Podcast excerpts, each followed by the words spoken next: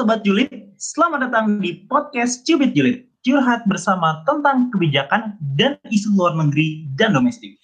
Podcast yang hadir untuk membahas isu-isu internasional maupun nasional yang dikemas secara asik dan ringan. Sama gue Raffi Ferdilianto, mahasiswa UPN Veteran Jakarta, jurusan Hubungan Internasional Angkatan 2020. Kali ini gue bakal ditemenin nih sama teman-teman gue, Hening, Safa, dan San Adam di Cubit Julid episode pertama. Halo semuanya. Halo. Halo, apa kabar kalian semua? Baik, baik. Semangat Baik, banget Vi. Baik banget. Baik. Boleh kali ini kita, apa eh, diperkenalkan kalian masing-masing kepada para sobat julid nih, biar sobat julid pada tahu, biar kenal sama kalian semua. Oke, hello guys. Gue Safa Salsabila dari HI 20 dan hari ini gue siap banget buat julid ya sama teman-teman sama Raffi juga. Jadi let's go, let's get it. Salam kenal kalian semua. Halo guys, gue Hening Dian Fasika dari jurusan Ilmu Politik angkatan 2020. Udah siap banget nih buat julid bareng Raffi, Adam, dan Syafa karena episode pertama kita. Halo semuanya, nama gue Shan Adam Gofar dari jurusan HI 20 dan hari ini sama nih kayak Safa, kayak Hening, sama Bapak MC juga sama. Udah semangat banget gitu untuk mengikuti julid hari ini yang tentunya eh, akan membawa banyak manfaat nih buat para pendengar. Oke, ini nih guys, apa para juliders, para juliders yang hari ini mau apa ya, pengen ngejulitin tentang suatu hal dan kita pada hari ini di episode pertama ini kita bakal membahas suatu topik yang hangat di tengah masyarakat maupun uh, orang pada umumnya itu adalah what if the British colonized Indonesia for a long time atau bahasa Indonesia bagaimana jika Indonesia dijajah oleh Inggris dalam waktu yang sangat lama. Nah, seperti yang kita tahu nih, Indonesia sendiri kan pernah beberapa, beberapa kali ya dijajah oleh bangsa asing. Nah, mengingat isu yang lagi hangat dan menjadi perdebatan belakangan ini perihal kerja rodi yang dilakukan Denlos pada pembangunan Anyer Panarukan yang katanya ternyata para pekerja sebenarnya dibayar, namun upayanya tidak sampai ke para pekerja. Nah, sebenarnya apakah penjajahan yang dilakukan Inggris ini sekejam penjajahan dilakukan Belanda ketika menerapkan tanam paksa? Terus gimana kira-kira nasib nasib Indonesia kalau sampai Inggris yang menjajah Indonesia dalam kurun waktu yang cukup lama dibandingkan Belanda? Terus gimana ya kira-kira nasib negara-negara yang dulu pernah dijajah Inggris dan kondisinya sekarang? Penasaran kan? Nah, sekarang gue dan bersama-sama beberapa teman-teman gue bakal membahas beberapa hal yang unik banget buat di pertanyaan. Oke, kita langsung masuk ya ke segmen satu, ke segmen pertanyaan.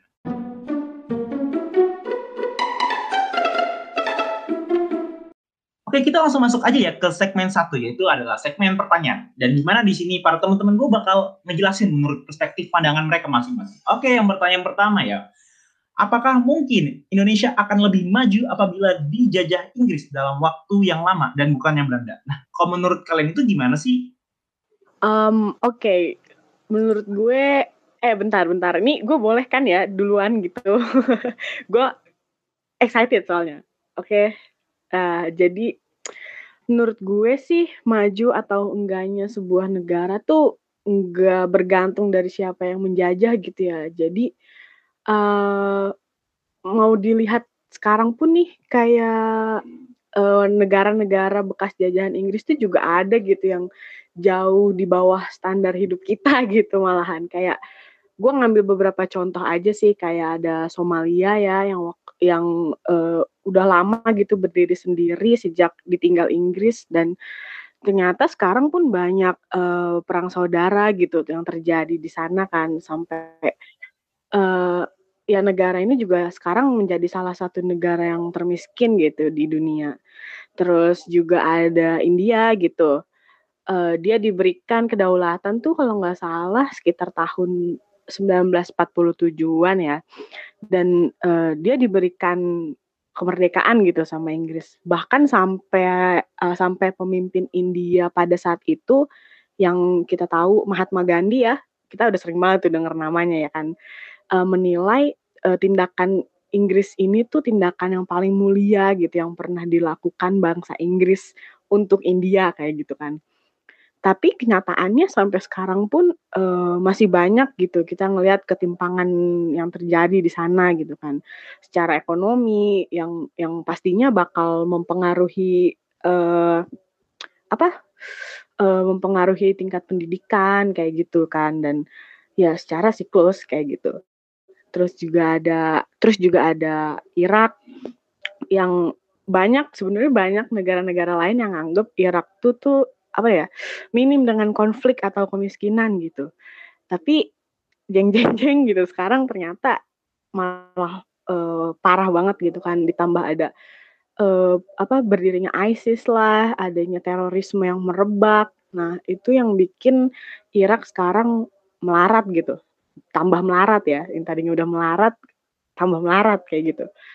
Terus terakhir uh, kayaknya deh gue ngambil kayaknya yang sampai sekarang kita tahu kita sama-sama tahu udah sering banget kita dengar kalau kemiskinan di sana tuh masih merajalela gitu kan. Dan uh, menurut gue ini jadi contoh jadi uh, perspektif baru gitu kalau ternyata dijajah Inggris tuh nggak nggak sewah itu gitu loh. Dan ya emang walaupun ada juga negara-negara yang maju dan sukses yang sekarang kita tahu kayak ya contoh lah Australia gitu New Zealand Kanada gitu ya emang sih mereka maju dan sukses gitu. Tapi ya nggak bisa apa namanya ya nggak bisa jadi jaminan juga gitu. Kalau Indo yang dijajah Inggris selama itu bakal lebih maju dari sekarang.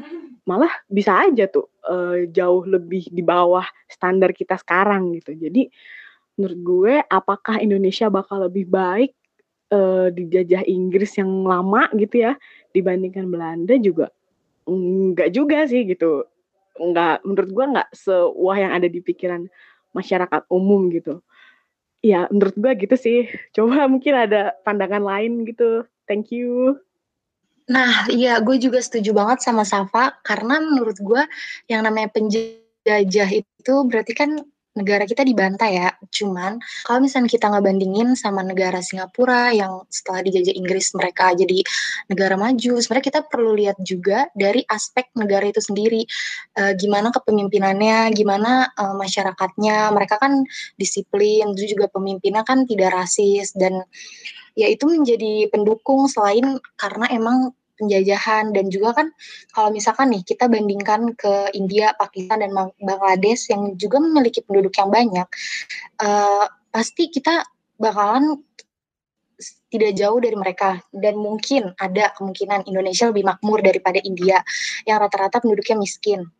Nah, kalau misalkan dijajah dari Inggris, mungkin keuntungannya itu kita menjadi persemakmuran Inggris. Yang mana kalau misalkan kita ada apa-apa, kita kita masih bisa melibatkan Inggris. Jadi gue sama kayak Safa kayak ya sebenarnya enggak juga sih gitu kayak Inggris tuh menjajah Indonesia tidak menjamin negara kita lebih maju. Uh, Oke okay, kalau dari gue pribadi uh, untuk tahu nih sebenarnya negara jajahan Inggris sama Belanda eh negara yang dijajah Inggris tuh sebenarnya lebih maju atau lebih makmur nggak sih daripada negara yang dijajah Belanda?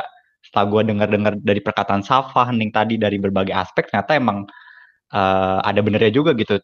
Uh, apa penjajah di masa lalu itu tidak selalu apa ya menentukan kalau di masa depan itu suatu negara bakal maju atau enggak gitu. Karena uh, ini gue setelah gue cek kita tuh kalau mengukur suatu negara kan biasanya pakai PDB ya kita taunya uh, kalau kaum awam itu PDB doang, tapi ternyata ada ada juga nih guys yang namanya itu Gini Index. Jadi Gini Index itu apa?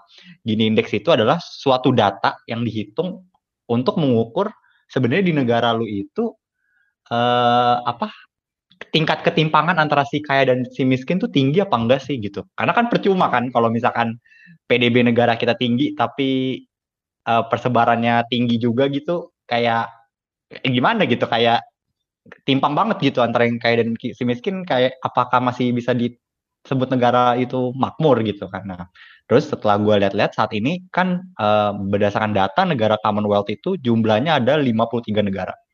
Dan setelah gue lihat-lihat nih ternyata guys surprise banget ada 8 negara persemakmuran yang masih dalam kondisi PDB per kapita rendah. Contohnya kayak Sierra Sierra Leone, Tanzania, Uganda gitu ini kan kayak mematahkan fakta bahwa eh mematahkan suatu omongan yang bilang bahwa oh negara yang dijajah Inggris maju nih, tapi ternyata enggak guys. Ada 8 negara yang ternyata PDB-nya masih rendah gitu jajahan Inggris. Terus setelah itu gue cek kan, gini indeksnya tuh uh, ada nggak sih di negara Commonwealth dan boom, ada 9 negara Commonwealth yang terciduk memiliki rasio yang tinggi pada gini indeks ya. Jadi kayak Bahama, Afsel, Botswana. Bahkan nih tetangga kita, Singapura sama Malaysia juga gininya tinggi guys. Jadi ini kayak apa ya? Fakta kedua yang bisa mematahkan ungkapan bahwa negara dijajah Inggris lebih maju gitu. Nyatanya enggak, walaupun ada negara yang PDB tinggi, tapi timpang banget gitu. Dan terus setelah itu gue compare kan sama negara-negara yang pernah dijajah Belanda.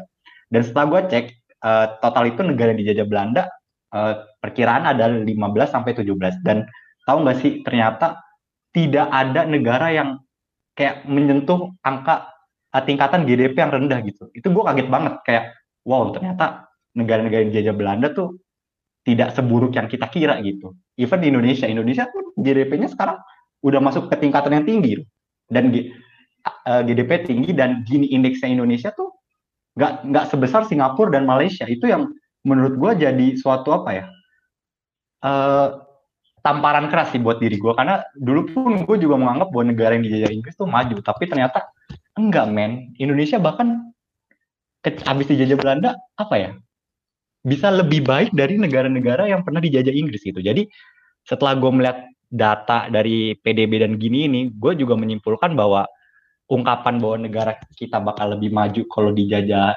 Inggris itu kayaknya uh, kurang mendukung gitu. Karena pada nyatanya sekarang banyak juga negara-negara jajahan lain jajahan Inggris lain yang ternyata masih lebih buruk dari negara kita. Dan negara kita juga tidak seburuk yang kita kira gitu. Jadi kalau menurut gua anggapan apa anggapan bahwa Inggris eh negara kita akan lebih baik di dijajah Inggris kayaknya uh, kurang bisa dipegang ya. Itu sih kalau dari gua.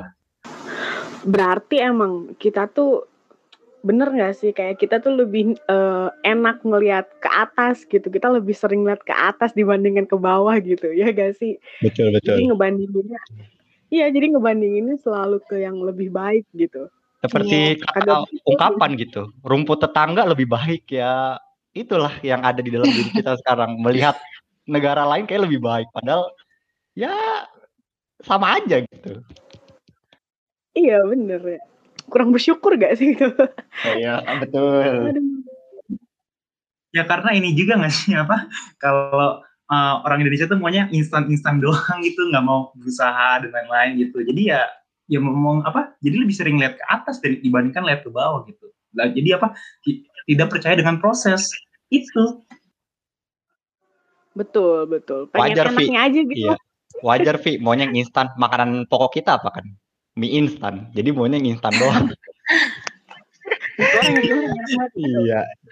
Maunya yang goreng, yang rebus kan kalau warkop yang cepet. Ya, ya, itu kan juga menandakan bahwa orang Indonesia maunya yang instan juga gitu senengnya. Gitu. Kan sekarang apa uh, mie instan udah jadi bagian pokok sendiri bagi kehidupan apa orang Indonesia itu. Apalagi bisa dikombinasi lagi sekarang sama nasi kan.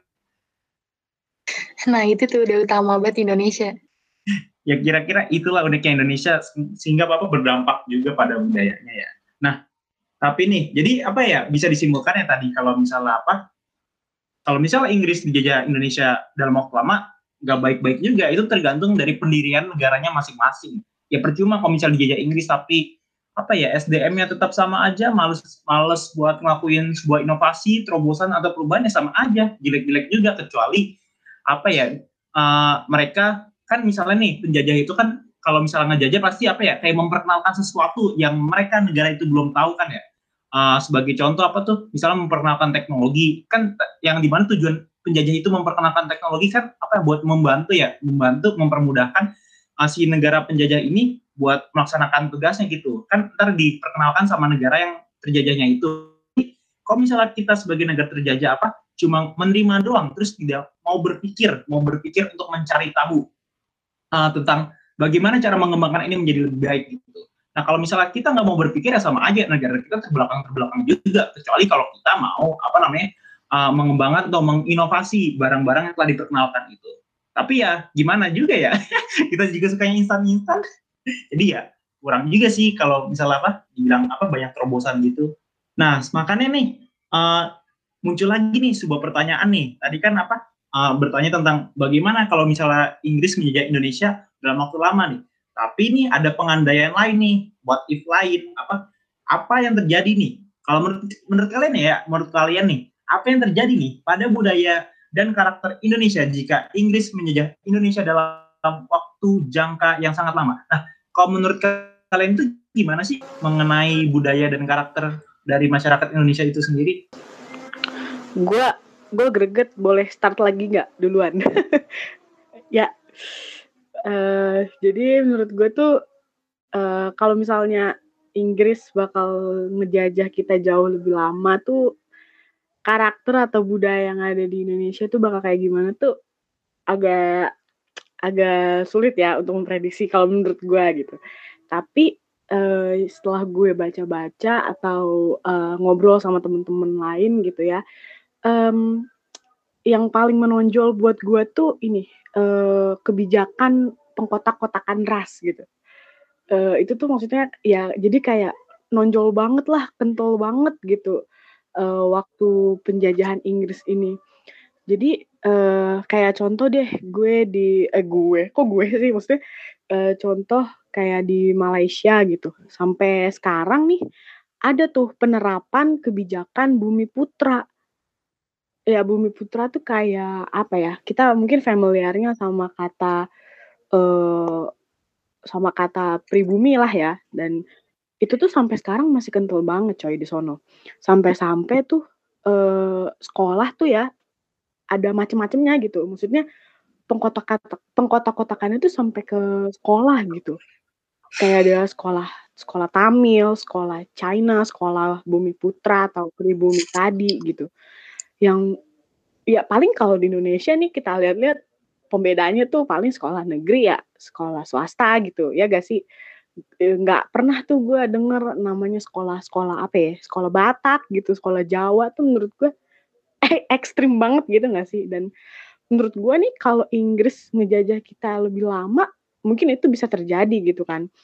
Ditambah lagi di Indonesia tuh banyak gitu, ras, agama, terus budaya Indonesia gitu kan. Jadi menurut gue eh, rasisme mungkin bakal tinggi banget gitu.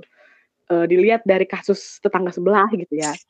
Dan ada juga di India sama nih kejadiannya, cuma dia uh, pengkotak-kotakan apa ya agama mungkin ya bisa dibilang kayak gitu uh, dari zaman penjajahan Inggris tuh uh, apa namanya sering banget nih pemerintah Inggris tuh ngadu domba antar umat agama Islam sama Hindu gitu. Sampai sekarang pun kalau kita lihat berita tuh coy pasti lu sering banget nih denger uh, dua kubu ini tuh berkonflik gitu kan. Jadi to see the worst ya itu semua yang tadi gue sebutin di atas tuh bisa aja gitu terjadi sama Indonesia kan kalau dijajah Inggris lama-lama gitu jadi ya that's it sih menurut gue sorry ya gue excited banget nih jadinya nih oke okay deh Oke, gue sekarang mau ngasih pendapat ya. Tadi yang kedua, kalau misalkan kita dijajah Inggris, gimana budaya kita dan lain-lainnya. Kalau menurut gue dari segi bahasa aja nih ya, mungkin bahasa Indonesia tuh bakal banyak bahasa Inggrisnya karena uh, kita aja banyak terinspirasi dari kata-kata bahasa Belanda ya kan. Misalkan nih kita manggil om, tante. Nanti kalau misalnya kita dijajah sama orang Inggris, kita manggil jadi uncle sama auntie ya. Terus kalau misalkan dari makanan, mungkin kita bakal makan kayak sandwich gitu, fish and chips atau apa. Dan kayak di Malaysia dan Singapura mungkin uh, sandwich tadi bakal jadi kuliner nasional dan juga nih ya misalkan karena kita udah terpengaruh sama Inggris uh, mungkin makanan kita tuh bakal jadi wah gitu kan. Misalnya kita ke apa beli nasi goreng terus pakai bahasa Inggris harganya jadi lebih mahal. Ya gitu-gitu deh. Terus um, kemungkinan besar lainnya tuh kayak misalkan uh, lagu God Save the Queen or King dan Rule Britania tuh bakal jadi lagu wajib kayaknya kalau misalnya kita dijajah sama Inggris cukup lama. Dan juga penggunaan nama-nama anak di Indonesia mungkin lebih ke barat-baratan ya kayak misalkan Grace, Thomas, Michelle, Arnold kan kalau kita kayak terpengaruh dari Belanda tuh misalkan Jan, Willem, Lick, dan Martin gitu sih. Oh iya, setelah men mendengar penjelasannya Hening menarik juga ya perihal bahasa gitu. Kalau menurut gua bahasa nih ya guys ya. Kan tadi katanya kayak kata uh, bahasa Indonesia akan banyak yang diserap dari bahasa Inggris gitu ya. Sebenarnya kita tidak perlu dijajah Inggris pun sebenarnya sudah banyak gitu. Contohnya anak Jaksel gitu kan. Anak Jaksel menangis sebenarnya melihat diskusi kita hari ini karena tanpa dijajah Inggris pun mereka merasakan gitu guys. Kayak which is a mommy, daddy gitu-gitu. Jadi di bayangan gua juga uh, sepertinya ya itu bukan bahasa anak Jaksel lah ya guys, bahasa Inggris itu. Ntar bahasa seluruh wilayah gitu. Jadi kalau kita dijajah Inggris iya, ya tidak Jaksel doang gitu, semua wilayah berbahasa Inggris gaya gitu kan? Iya benar. Gitu guys. Jadi anak jaksel tuh nanti anak jaksel tuh nanti nggak sespesial itu gitu loh. Iya betul. Karena, ah, betul. Karena bakal terjadi gitu di semua wilayah gitu. Jaksel udah nggak spesial lagi nanti. Betul iya. betul kayak gitu guys Bener, Tapi tadi menarik ya perkataan Neng kalau misalnya apa Inggris jajah Indonesia dalam waktu lama ntar berpengaruh ya namanya sama orang-orang Indonesia. Mungkin ntar apa ya ada kombinasi tersendiri gitu antara nama orang Indonesia sama orang Inggris. Contohnya Alexander Purwoto. bisa bisa bisa. Fancy fancy gitu ya gak? Nanti jadi Sumina Alexandra kan keren tuh. Nggak bisa bisa diminter. Kan unik unik banget gitu ya. Josh Sadikin. Budi Budi Fernandes. Anjay itu. Fernando Budi. Asik. Nanti nama Budi udah bukan Budi lagi. Gimana tuh, Ning? Jadi Arnold. Asik, Arnold. nanti nanti nama gue ganti nih, bukan Safa Salsabila lagi mungkin. Jadi Safa Middleton gitu misalnya. Anjir, enak gak tuh? Tapi mohon maaf ya guys, gue harus sombong sedikit. Sebenarnya tanpa dijajah Inggris, nama gue pun sudah Inggris gitu. Shen, anjay, Shen, Shen Adam. Oh my. Tapi Inggris Inggris banget kan. Oh iya. Enggak, enggak. Bisa, enggak terkenal itu. Gue menolak.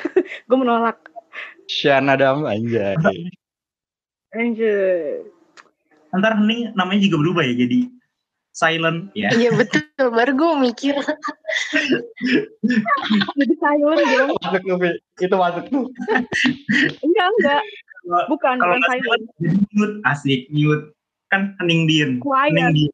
Quiet. Silent, silent mute. ya.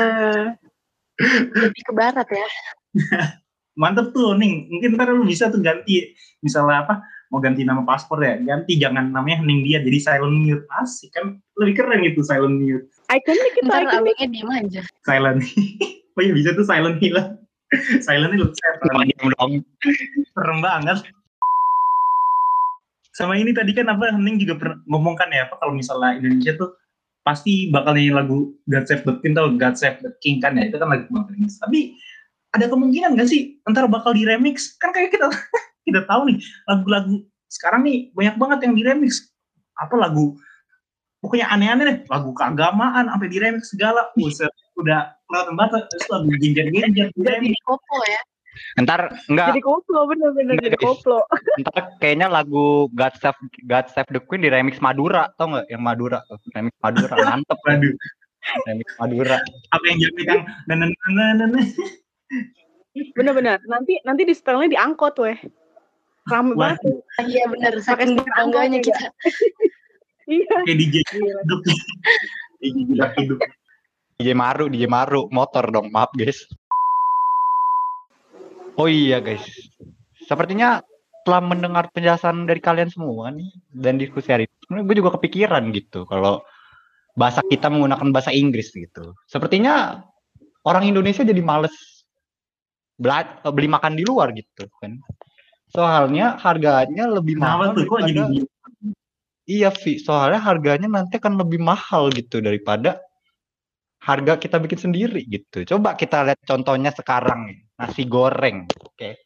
Di rumah gua nasi goreng sepuluh ribu udah lengkap banget pakai telur pakai segala macam udah lengkap lah pakai ayam juga dan rasanya udah enak coba kita ke mall guys fried rice berapa harganya dua puluh lima ribu. Wih, kayak timpang banget gak sih? Mungkin gue positif thinking waktu itu oh mungkin nasinya impor dari London gitu atau dari Australia. Jadi ketika kita makan lidah kita agak berbeda gitu ya. Wah beras dari Inggris beras dari Inggris. Lidah kita lebih langsung beda gitu. Nah ini nggak tahu gitu gue kenapa tuh. Harganya bisa jauh banget kalau di bahasa Inggrisin kan? Ntar warteg jadi ganti nama dong ya, karena Hmm. mahal-mahal.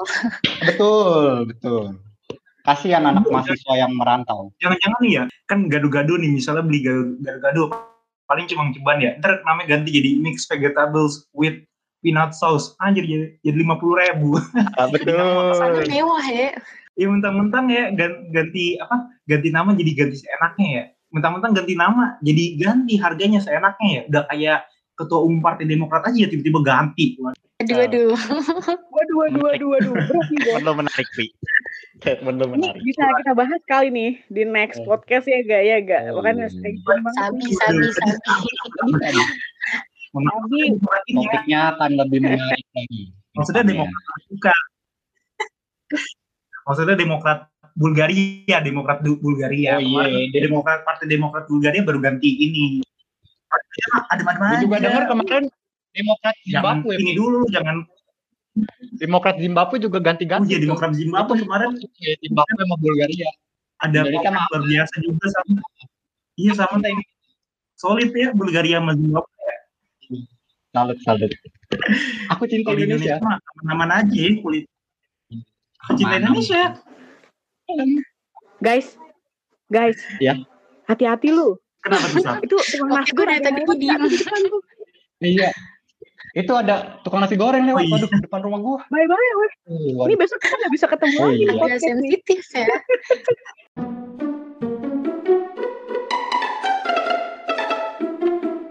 Oke gitu. Oke kita balik ke back to topic ya. Tadi kira-kira itu segmen satu tentang apa ya? Eh, pengantar tentang gimana sih kalau misalnya Indonesia dijajah da- sama Inggris dalam waktu yang lama. Dan tadi kan berdampak juga ya ke berbagai aspek kan ya. Nah, gue nih eh, mau masuk nih ke segmen 2 nih. Nah, segmen 2 itu isinya pertanyaan-pertanyaan tentang kesimpulan gitu, jatuhnya kesimpulan gitu. Nah, kalau menurut kalian nih, lebih baik mana nih? Dijajah Belanda atau dijajah Inggris gitu. Karena kan menurut orang-orang kan ya, tadi tapi tadi sempat dijelaskan ya sama kalian kan ya. Kalau menurut orang-orang nih ya, gue, gue nanya sama orang-orang banyak ya. eh, katanya lebih enak dijajah Inggris gitu. Karena tadi yang pernah dijelaskan juga kan kalau orang Indonesia tuh terlalu ngeliatnya yang ke atas dan yang ke bawah. Jadi ngeliatnya tuh yang contoh-contoh bagusnya doang yang jeleknya enggak. Nah, kalau menurut kalian gimana sih? Oke, kalau eh, ini gue yang jawab ya guys. Eh, ayo apa pemantik pertama nih? Hmm, menarik nih pertanyaan Raffi. Kira-kira lebih baik mana penjajah Belanda atau Inggris gitu? Kalau dari gua sebenarnya jawaban diplomatisnya adalah ya nggak ada yang lebih baik gitu. Namanya penjajah kan ya mengeruk, mengeruk, mengeruk gitu. Kalau menurut gua eh, ya kalau jawaban yang pastinya ya tidak ada yang lebih baik gitu. Karena penjajah jahat semua. Cuman kalau berdasarkan opini gue pribadi, em, setelah gue em, apa kayak melakukan riset terus baca-baca gitu, kayaknya setelah gue pikir-pikir antara Belanda dengan Inggris, Belanda itu tidak seburuk Inggris gitu. Kenapa? Oke, gue akan jabarkan beberapa alasannya. Yang pertama adalah eh eh, apa? Yang pertama adalah tahu nggak sih kalian kalau sebenarnya nih ya ini eh, setelah gue juga apa disku, pernah ngobrol sama orang Malaysia gitu ternyata orang Malaysia itu karena ini gue compare Malaysia sama Indonesia ya karena Malaysia itu kan jajahan Inggris Eh, ternyata di masa lalunya orang Malaysia banyak yang apa ya istilahnya nggak nggak terlalu sadar kalau mereka dijajah gitu Eh, mereka nggak tidak terlalu sadar kalau mereka dijajah mungkin kebencian mereka tidak sebenci orang Indonesia. Kalau misalnya orang Indonesia kan Belanda Belanda kabur, eh Bela- Belanda pergi, mereka kayak wah rasa dendamnya tuh gede banget gitu. Tapi kalau orang Malaysia ternyata enggak gitu. Ini setelah gue pikir-pikir mungkin karena ketika Inggris menjalankan apa?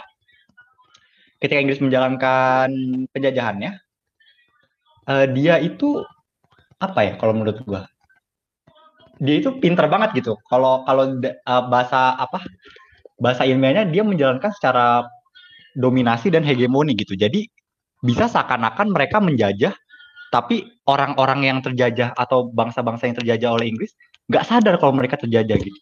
Beda banget sama Indonesia gitu. Kalau Belanda kan kejam ya, dia langsung kayak menghabis, misalkan perang nih, dia langsung bantai-bantain semuanya gitu. Nah, dan salahnya Belanda adalah Belanda di masa lalu itu ketika ada pemimpin-pemimpin kerajaan, uh, kalau kalau setahu gue, sama Belanda tuh disuruh tunduk gitu.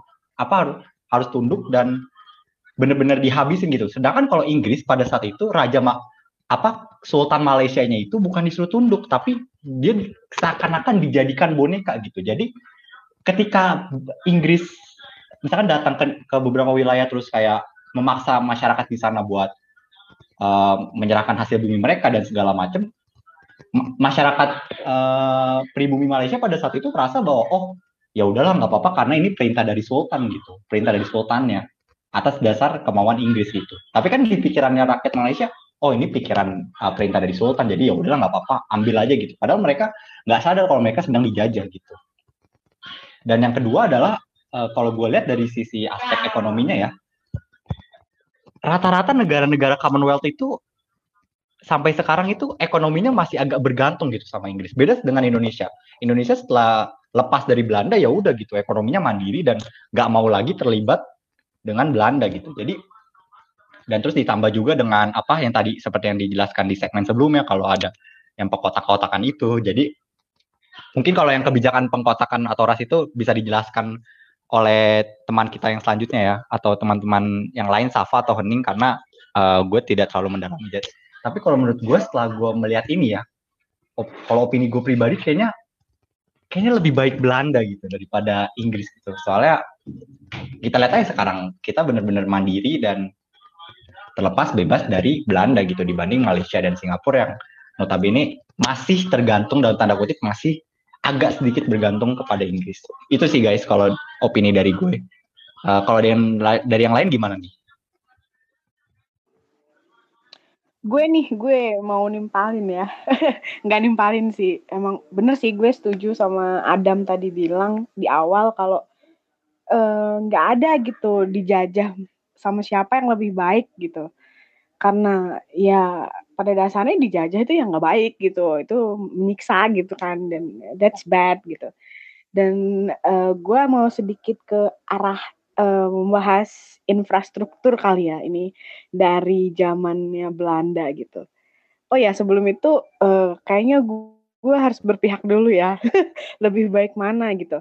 Uh, menurut gue personally uh, Belanda sih. Soalnya kalau uh, lu baca-baca, lo lihat jurnal, lo cari-cari uh, informasi dan fakta gitu ya.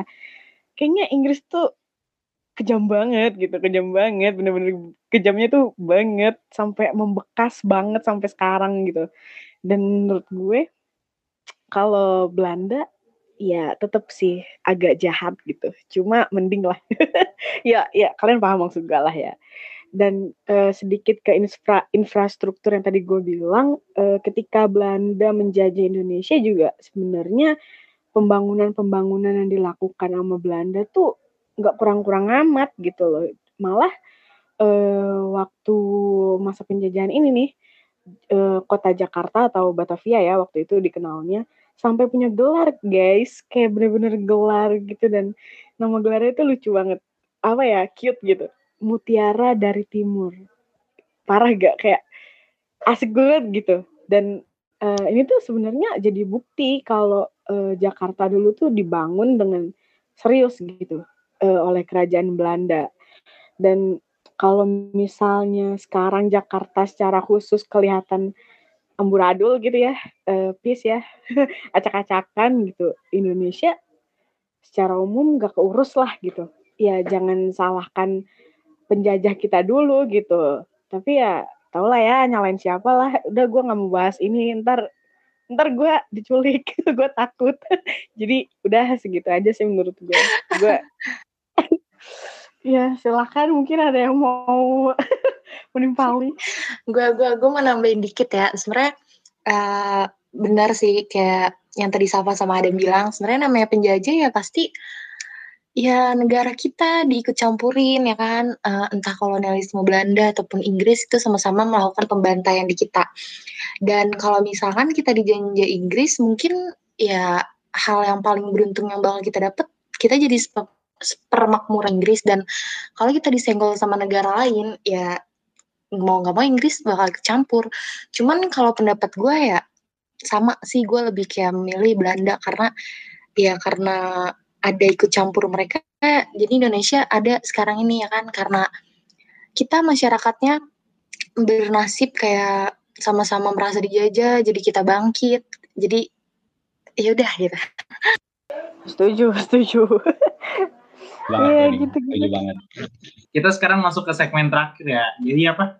Uh, ini sebuah pertanyaan juga apa tapi nggak ada sangkut pautnya sih sama apa namanya sama topiknya tapi sedikit menyenggol nih nah jadi itu pertanyaannya itu adalah apa yang terjadi apabila Belanda tidak pernah menjajah Indonesia apakah uh, akan lahir Indonesia yang kita kenal saat ini yaitu uh, Indonesia yang berbentuk negara republik uh, mengingat kita dahulu merupakan wilayah yang banyak ditemui sejumlah kerajaan atau mungkin negara kita tetap menjadi kerajaan kalau misalnya kita tidak pernah dijajah oleh negara lain negara Belanda.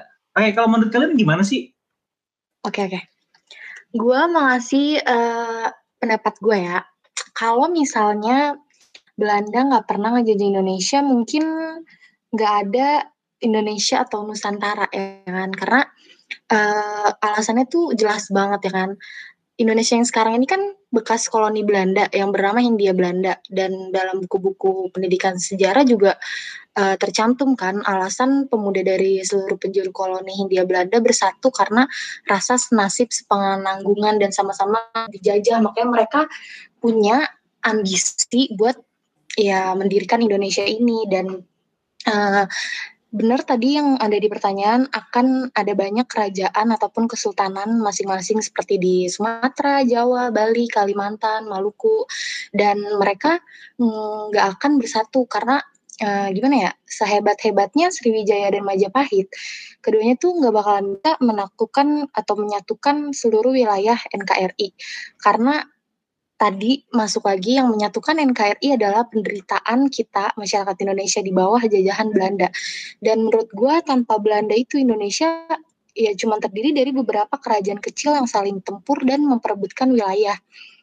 Dan mungkin Nusantara atau Indonesia akan menjadi negara republik seperti Republik Indonesia saat ini dan dia bakalan berganti menjadi uh, politiknya itu uh, nanti uh, setelah kerajaan terakhir itu lengser. Jadi dia bakalan uh, ngikutin kayak contohnya tuh uh, revolusi Xinhai di Cina dan di Rusia setelah revolusi Oktober. Bedanya di Indonesia nanti mungkin rezimnya menjalankan roda pemerintahan secara otoriter, kemudian baru berubah menjadi demokrasi.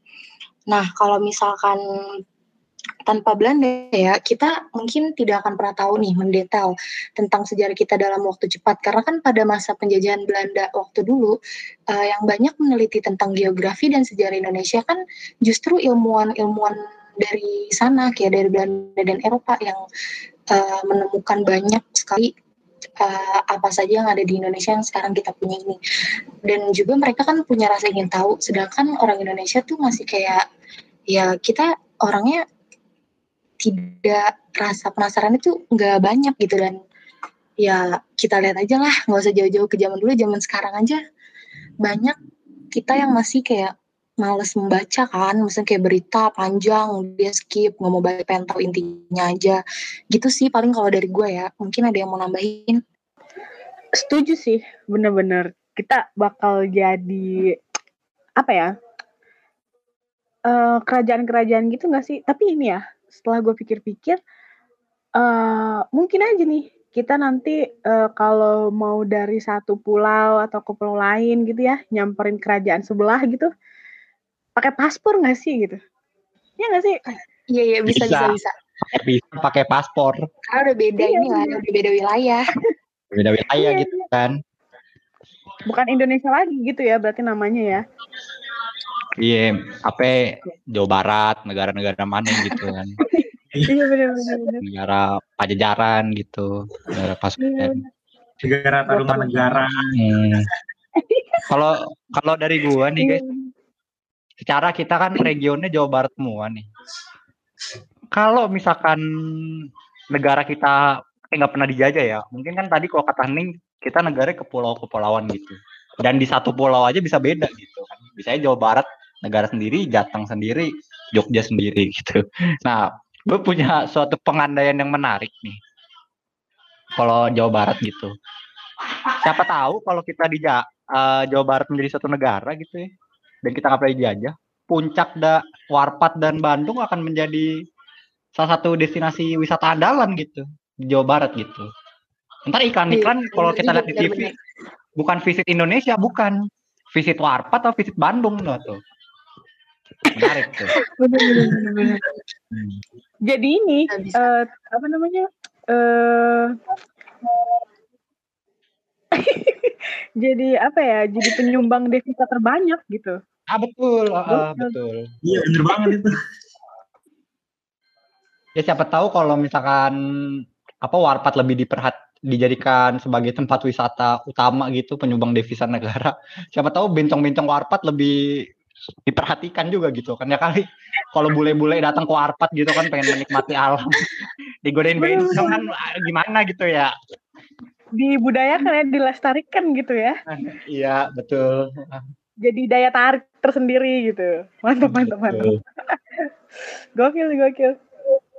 Ntar Bekasi ada temennya dia, dia kan udah beda planet tuh. Betul benar benar. benar. Ya kayak gitulah.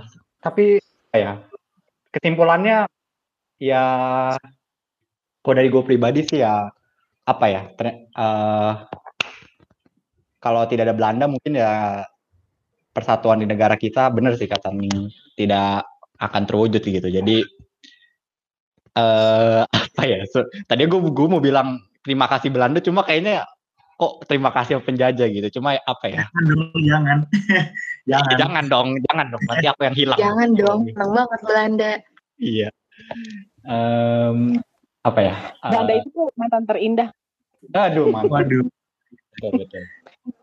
ntar kalau misalnya lu bilang gitu dam ntar Belanda Oh, langsung syukuran di di di Desta. terima kasih apa kata Indonesia terima kasih Belanda telah menjajah kami ntar dia langsung seneng dah Eh, apa ya, guys? Kalau dari gue sih intinya apa ya? Kita semua negara di masa lalu punya masa lalu yang berbeda gitu ya. Jadi sebenarnya kalau apa mau kita dijajah atau kita nggak dijajah gitu, sebenarnya kemajuan negara suatu negara ya ditentukan dari masyarakatnya masyarakat lagi gitu. Bisa aja kan sejarah di masa lalu emang buruk, tapi kan apa jangan biarkan masa lalu itu membuat lu atau membuat kita menjadi stuck gitu, membuat kita nggak bisa move on gitu. Kita harus move on dong, kita harus melangkah jauh lebih baik Asik. itu. Gitu sih. iya sih bener-bener banget bener banget nih. Yang diinget kenangannya aja yang manis-manis ya berarti ya Adam. Ah, iya benar. Cuma jangan. satu satu pesan terakhir, Vi. Cuma jangan Apa tuh? sampai kenangan manis itu membuat kita sulit gitu. Jadi kan kenangan manis itu sebenarnya pelajaran gitu. Misalkan Belanda banyak membuat kenangan manis nih, istilahnya ke infrastruktur kan manis tuh. Nah, sebenarnya kita jadikan pelajaran aja. Oh, di masa lalu pernah kayak gini, semoga di masa yang akan datang bisa diterapkan juga gitu. Dan yang buruk-buruknya ditinggalkan gitu. Karena stuck di masa lalu itu ibaratnya hanya kita berjalan di sebuah treadmill tapi ya udah kita jalan doang kita capek tapi sebenarnya kita nggak ke mana-mana gitu anjay yap dah Siap, mantap, siap. mantap banget. Iya sih mantap nih. Kalian nih jawabannya mantap-mantap tapi tadi ada yang unik nih dari tadi yang apa ya Haning bilang kan ya. Eh, kalau misalnya negara apa kalau Indonesia nggak pernah dijajah sama Belanda pasti ntar kan negara jadi kerajaan-kerajaan nah ntar gue ngebayangin gini nih kan kita kan apa ya wilayahnya kan di Jawa Barat kan ya jatuhnya kan taruman negara. Ntar pasti apa namanya Kalimalang tuh dibikin jadi tempat wisata terus waduk fluid jadi tempat wisata. Ntar mungkin Kalimalang setara sama ini jangan-jangan Sungai Amazon lagi. Ikan di sana orang-orang pada bukan main. Amazon Vi bukan Amazon Little Venice. Little Venice. Bali anjay bayangin kapan lagi di Kalimalang kita mendayung-dayung gitu kan sambil pacaran gitu. Dan juga gitu. Jadi sweet ya tempatnya romantis. Jadi pacarannya sama Belanda karena mantan terindah gitu kan. Oh iya, ah, betul. Mungkin kali ini ya apa uh, apa misalnya ntar Jakarta banjir juga pasti ntar jadi apa ya dimanfaatin gitu jadi tempat uh, wisata gitu kan kan gimana ya orang Indonesia kan apa ya mencari kesempatan di mencari kesempatan di balik kesempitan. Kayak contoh nih misal di kuburan. Lu, lu pernah lihat gak sih di kuburan tuh suka ada ya ada pasar malam? Nggak, ah, aneh banget kan. Iya kuburan di malam. Gitu Gak ngerti lagi. Itu gue pikiran orang begitu. Kan ntar gimana ya nggak lucu misalnya biduannya lagi joget gitu kan ya lagi apa dangdutan ntar yang di dalam kuburan ikutan goyang muncul iya. tangan ikutan goyang kita nyawa gitu. Cewek anjir. Kabur semua tuh pasti pengunjungnya kabur semua gitu. lagi joget eh taunya arwah siapa arwah siapa bareng kan jangan ntar arwahnya dendus kan Waduh. Waduh. Jangan Waduh. disuruh kerja paksa ntar kita. Disuruh kerja dendus yang nyanyi lebih jalan lagi Anyar Panarukan. Waduh. Iya, waduh.